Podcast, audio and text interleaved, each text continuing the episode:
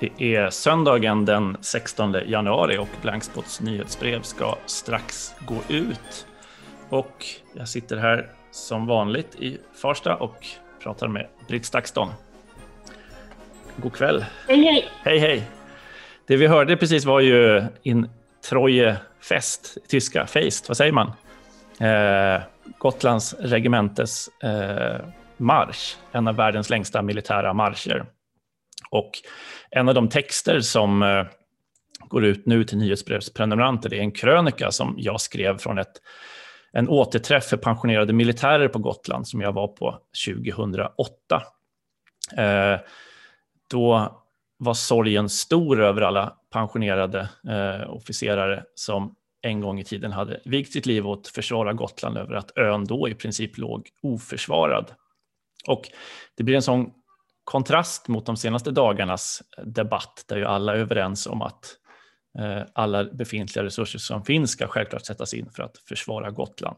Men så var det ju verkligen inte då. Eh, och jag skriver om det här eh, fältmötet som då Gotlands regementes kamratförening hade vid Tingstäde fästning. Och jag minns hur de stod på den gamla liksom, kaserngården, 70 gamla knäktar som hade uppfattningen att ja, men Sverige behövde ett antal stridsvagnar och folk som kunde sköta dem för att försvara vårt land. Eh, och man åt potatis och snaps och stekt fläsk med löksås. Och det fanns också något i luften att den här tillställningen nästan var som en protest mot en försvarspolitik som ju då bara fyra år tidigare, december 2004, hade lagt ner öns regemente. Och det som fanns kvar var ju då ett antal hemvärnssoldater och en kamratförening med tårar i ögonen och ett tunt lager eh, mylla. Och just när den här eh, regementets marsch, den är väldigt lång, den är över fyra minuter lång, eh, spelades så stod ju alla i vakt med sina höftledsproteser och käppar och stöttade med ena handen på, på en kamrat eller sittande, sittande på en stol. Och det fanns någonting nästan episkt i den, i den scenen, eh, minns jag. Eh, så jag gjorde ett reportage eh, en kort tid senare för tidskriften Folket i Bild som jag var redaktör för då eh, och pratade med det som fanns kvar av försvar på ön, det vill säga Gotlandsgruppen. Och det fanns ju ett skämt länge, man hånade en, en, dansk politiker, Glistrup, som hade en idé om att ersätta det danska försvaret med en telefonsvarare som sa vi ger upp på ryska. Men ringde man 2008 till Gotlandsgruppens kontor så var det också en telefonsvarare som meddelade att den man sökte var på semester. Men när Lars-Åke Permerud ringde tillbaks så, så berättade han att han var oroad över läget och att hade dagens läge rått 2004 så hade regementet aldrig lagts ner, sa han. Och beskrev just Gotland som en, en skärningspunkt mellan öst och väst, eh, där grannländerna har trappat upp i övningar och att övas i Östersjön som aldrig förr. Och att ett förlorat Gotland är ett väldigt svårt att återta, minns jag att han sa eh, i den intervjun. Och när man frågade men vad händer då om något akut händer utanför arbetstid? Eh, är det telefonsvararen? Nej, då får man ringa mig på min hemtelefon, sa han. Eh, så uppskattade han att han kunde få fram hundra man för några timmar. Men då för att till exempel stödja räddningstjänstens arbete. Men på hans önskelista så fanns ju markförband och robotar och tillgång till JAS Gripen och så vidare. Eh, men då var en tid då Sverige hade fler militära museer än förband och även då i Tingstäde så skulle portarna den sommaren slås upp för Gotlands försvarsmuseum. Eh, och det är bara så oerhört kort tid sedan och de som försökte ta en debatt om det här då möttes ju av, av tystnad eller att bli liksom betraktade som gamla och, och mossiga. Framtiden var att ta ett insatsförsvar som kunde sättas in i Irak och Afghanistan eller Mali. Men att försvara Sverige var inte lika poppis eller på tapeten eh, då. Eh, och det dröjde ju eh, till, ända till 2017 faktiskt innan man beslutade att Gotlands regemente skulle återupprättas. Men jag tror väl just i de här dagarna så är många glada över att det beslutet togs och också att det snabbades på. Eh, och så var jag inne och läste på eh, vet det, Gotland, vad heter det, åter, eh, gruppen då som eh, kamratföreningen som hade en, såklart en ny träff också 2017 eh, då eh, solen sken och en svag vind drog in från havet kunde man läsa på deras, i deras tidning och vid skogsbryntet syntes röken av ångan från en kokvagn. Men nu var då Karl XVI Gustav på plats och regementsfanan lämnades då över från, ja, till, från hemvärnet helt enkelt till regementet som återuppstod. Och det stekta fläsket och löksåsen och den kokta potatisen smakade nog bättre än någonsin eftersom försvaret av Gotland äntligen togs på allvar. Avslutar jag den texten. Mm. Så den finns att läsa, en blankspottig take på Verkligen. dagens nyhetshändelser. Ja. ja. ja. Annat i veckan förutom Gotland så har ju eh, kulturministern fortsatt att vara, vara i ropet. Eh, nu ropar hon in ja. sig själv på banan tänkte jag säga genom att ringa ett antal influencers och berätta för dem att hon minsann tänkte lösa eh, frågorna om kulturen och pandemin här. Pernilla Wahlgren och så vidare. Vad tänker du, vad tänker du kring, kring det? Vi pratade ju om kulturministern i tidigare podd innan jul. Ja, för då pratade vi om liksom bristen på visioner och att ägna hela första veckan åt att så tydligt studsa mot vad, eh, vad som hade hänt under partidagarna för Sverigedemokraterna var det väl, eh, och studsade mot. Eh, apropå public service-frågan, som för övrigt i veckan tydligen kulturministern absolut inte hade tid att prata med medierna om, men däremot som sagt hade tid att ringa Pernilla Wahlgren när hon såg eh, Pernilla Wahlgren, eh, en av många kulturaktörer, kulturutövare som reagerade i samband med de nya eh, restriktionerna och eh, kulturstöden helt enkelt och så. Eh, och det där, eh, å ena sidan kan man ju verkligen se, eh, man, får nog en föraning om, om eh, influencers roll i relation till, till valrörelsen. Det har ju varit helt uppenbart i andra val de senaste åren, men hur det även kommer bli i, i Sverige. Och, på min egen Facebook-sida när jag eh, reagerade över det Eh, så tyckte jag att det var intressant att se, för där var ju då min eh, reaktion var ju just det här i relation till att, eh, vi ska se, jag ska ta fram min text här, så, så blir jag ju dels lite nyfiken över vilka influencers som kommer bedömas vara värda att ringa upp av ministrar var går gränsen liksom? Vid 200 000, 500 000 följare eller Pernilla Wahlgren har väl 800 000 tror jag. Eh, eh, och målet blir ju förstås att få det här lite eh, hyllande inlägget över den direktkontakt som har gjorts som Pernilla Wahlgren sen publicerar på, på sin plattform. Eh, och eh, eh, det följs ju upp i, i, i av väldigt många eh, tidningar och, och eh, fortsatta reaktioner.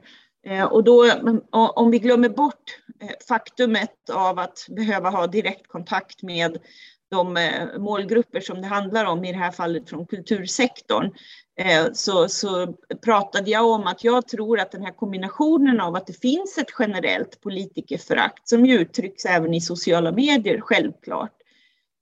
Men sen ser man direkt hur otroligt lättsmickrade influencers blir när de då blir sedda av eh, politiker. Eh, och sen av media så ses det och bevakas nästan som om det vore eh, eh vi har ju sett andra exempel när eh, Therese Lindgren var en av de influencers som kontaktades av eh, Stefan Löfven i samband med behovet av att nå ut till unga målgrupper. Eh, som en mediekanal på något sätt. Eh, men, men det är ju nog, ja, det är så intressant att se hur man också fångar upp, det finns en extra dynamik av att de traditionella medierna fångar upp det här. Eh, och jag tror att nervösa politiker kommer lägga jättemycket fokus på att värna och vårda de här relationerna med influencers så att det blir väldigt eh, eh, reaktiv politikerförakt mer än att det stärker förståelsen för det politiska arbetet i en demokrati, tror jag. Eh, eh, och eh, eh, när jag då ställde den här frågan så eh, blev det spännande diskussion med bland annat Helene Öberg som jag jobbat nära Ja, eh, när jag la ut det här på min Facebook så eh, svarade bland annat Helene Öberg snabbt och hon är Eh, har varit statssekreterare under åren 2014 till 2021, bland annat senast hos kulturminister Amanda Lind. Eh, och hon eh, pratade om det här, ja men samtidigt med det genomslag som kraft som en influencer har med sina kanaler så blir det också konstigt att helt strunta i dem. När nästan alla Sveriges artister krävde kulturministerns avgång då tror jag inte att det räcker att svara att berätta om vad man gör i de traditionella mediekanalerna, för de kanalerna når inte riktigt samma mottagare. Eh, eh, vad svarar du på det? Ja, eh, dels tyckte jag att det var väldigt kul att hon eh, direkt eh, svarade just utifrån sin erfarenhet av att ha jobbat så väldigt nära och mm. i relation till kulturfrågorna under pandemin också. Eh, men det finns ändå något problematiskt om den här drömmen att bli relevant genom synlighet hos ett antal influencers. Så det är fortfarande så att man vill veta hur lång den här listan är, vilka inkluderas i den tro och att det blir en väldigt opinionsdriven reaktiv politik som jag ändå skulle bekymra mig för som folkvald. Eh, eh, och, det, och det minsta det här trögrörliga demokratiska arbetet behöver är förstås att man som pressekreterare lägger en så stor kraft på att jaga känslomässiga genomslag i sociala medier. Och jag tycker inte att det är så självklart att influencers, bara för att de tycker något, hur stort genomslag de än har, behövs läggas tid på. Däremot absolut analyseras översiktligt. Och, eh, men det här med att konstant vilja flirta med tyckare, profiler, ambassadörer baserat på ett antal följare i sociala medier blir nervöst och politiskt kortsiktigt. Eh, eh, och, och, och, det tyckte hon förstås att hon förstod. Eh, men så blev det en intressant reflektion över att eh, jag förstår vad du menar och delar helt uppfattningen att det inte är influenser man ska orientera sig efter eller uppleva sig arbeta för. Politikens uppgift är oftast att verka för de som sällan hörs och syns och att balansera olika intressen. Men för att lyckas behöver man människors förtroende och det är tufft att få det när kulturlivet plötsligt blir väldigt politiskt och kritiskt mot dig. Tittar man bredare än bara på influenser och kanske mer på det breda kulturlivet så är aktörer som Pernilla Wahlgren viktiga i kulturens ekosystem. Hur mycket de skapar sysselsättning och så vidare. Eh, tror inte Pernilla Wahlgren står för andra budskap än mindre synliga aktörer i branschen. Eh, och för mig bara handlade det inte alls om att kritisera eh, Wahlgrens del i det breda kulturlivet. Eh, men frågan är ju om hon verkligen är den kanal som löser det problem som syns i Helene Öbergs svar om att man skulle svara på grund av den djupa pågående kritiken i kultursektorn. För då vill ju jag ifrågasätta om det verkligen stärker det caset. Eh, och snarare slå tillbaka. Jag tänker på när Sven Onius ja. väljer att svara hos en annan Mar Margot Ditz liksom efter kritiken i ja. förlossningsvården istället för att svara på det. Ja, det, det kan ju ja. bita i svansen mm, också. Ja. Mm. Men sen under, senare under veckan har det ju här utvecklats att det är ju liksom en förnyad, med all rätt frustrerad diskussion från eh, kulturen som jag är absolut hela tiden har sett som, det är ju en av de sakerna jag nästan tycker är svårast att gå vidare med ur pandemin, att det har så synliggjorts hur synen på kulturen är, att det från första början har saknats en tydlig plan och att se på den här branschen som just en del, en central del i, eh, i, i näringslivet på ett sätt som eh, är svårt. Och vi har ju tidigt skrivit om, OECD gjorde ju en analys av hur skulle kulturen kunna komma tillbaka. Mm. Eh, och, och de pekade ju väldigt mycket på att kulturens svårigheter är ju precis det som debatten i veckan också mycket handlat om. Dels hur otroligt många aktörer det är, men också att det är en väldigt bräcklig sektor eh, och att det är väldigt många olika eh, aktörer. Mm. Eh, och, svårigheten som har varit så tydlig i veckan, som ju då Lisa Nilsson har gett röst till, det är att beskriva hur svårt det har varit att ta del av de här stöden. Mm. För att man, det är ju en sån stor bevisbörda på inställda gig till exempel eller vad det kan vara. Mm. Eh, och, och, det är ju mer att det här är ju aktörer också som allt är ju inte stora artister som hade 20 gig som ställs in eller 50 eller 100 utan det är ju att man verkar i en näring med väldigt korta puckar också. Liksom. Mm. Det är inställda föreläsningar och, och eh, Eh, en mängd, mängd, faktorer som gör att det här är en väldigt, väldigt bräcklig sektor överhuvudtaget. Så det blev ju en förnyad diskussion i den eh, som jag absolut eh, tror att vi också kommer kunna konstatera efteråt att det har funnits länder som har eh, haft bättre eh, lösningar för att inkludera eh, den här sektorn eh, trots sin bräcklighet. Liksom. Eh, och att det är så mycket av kulturnäringens aktörer som faller utanför all statistik på olika sätt och vis och så vidare. Och så där. Ehm, så att det, ja, det blev ju en förnyad diskussion i stort om det, men jag tycker ändå det var intressant att se den här. Vi kommer se mer av den här typen av eh, mediebearbetning som kommer handla om att eh, vilja ehm, fånga upp influencers, ambassadörers, opinionsbildares eh, reaktioner som gör något starkt utspel i sociala medier. Ja, det är spännande att, att, att följa. Eh, övrigt i veckans första, eller årets första nyhetsbrev eh, är att vi träffar också människorna bakom rubrikerna i protesternas Kazakstan. En av de boende skriver också själv om händelserna i en text och sen har vi ett otroligt reportage av Rasmus Kahnbäck om då de som ligger bakom eh, demonstrationerna och vad vanliga människor känner och tänker. Eh, vi rapporterar också på plats, i ordets rätta betydelse, från inbördeskrigets Etiopien om våldet mot civilbefolkningen där. Eh, Donald Boström har varit på plats med filmare, fotograf och håller på och klipper och redigerar flera unika dokumentärer på plats från krigets Etiopien. Ett krig som ju har pågått i medieskugga i snart två års tid.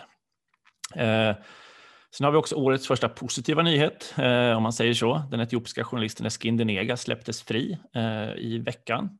Och Linnea Bergqvist kunde också avslöja i en text att Qatar struntade i sina hbtq-vänliga löften och nu drar in leksaker med regnbågsflaggan. Framförallt sådana här poppits som var regnbågsfärgade har beslagtagits i, i Doha.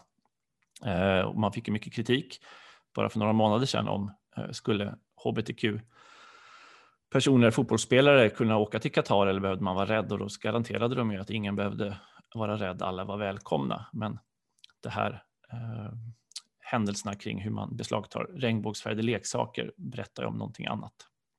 Eh, Mohammads dagbok också blivit oerhört läst sedan den publicerades. Eh, han skriver om en mamma som frös ihjäl för att rädda sina två barn på gränsen mellan Turkiet och Iran och den diplomatiska debatt som efter utbröt om var hon hade dött. Var det Turkiets ansvar eller Irans ansvar? Men han skriver om själva orsaken till att hon var där också, att situationen i Afghanistan. Och där rapporterar vår anonyma reporter om att en lärare har dött av svält och studenternas panik och skräck över det.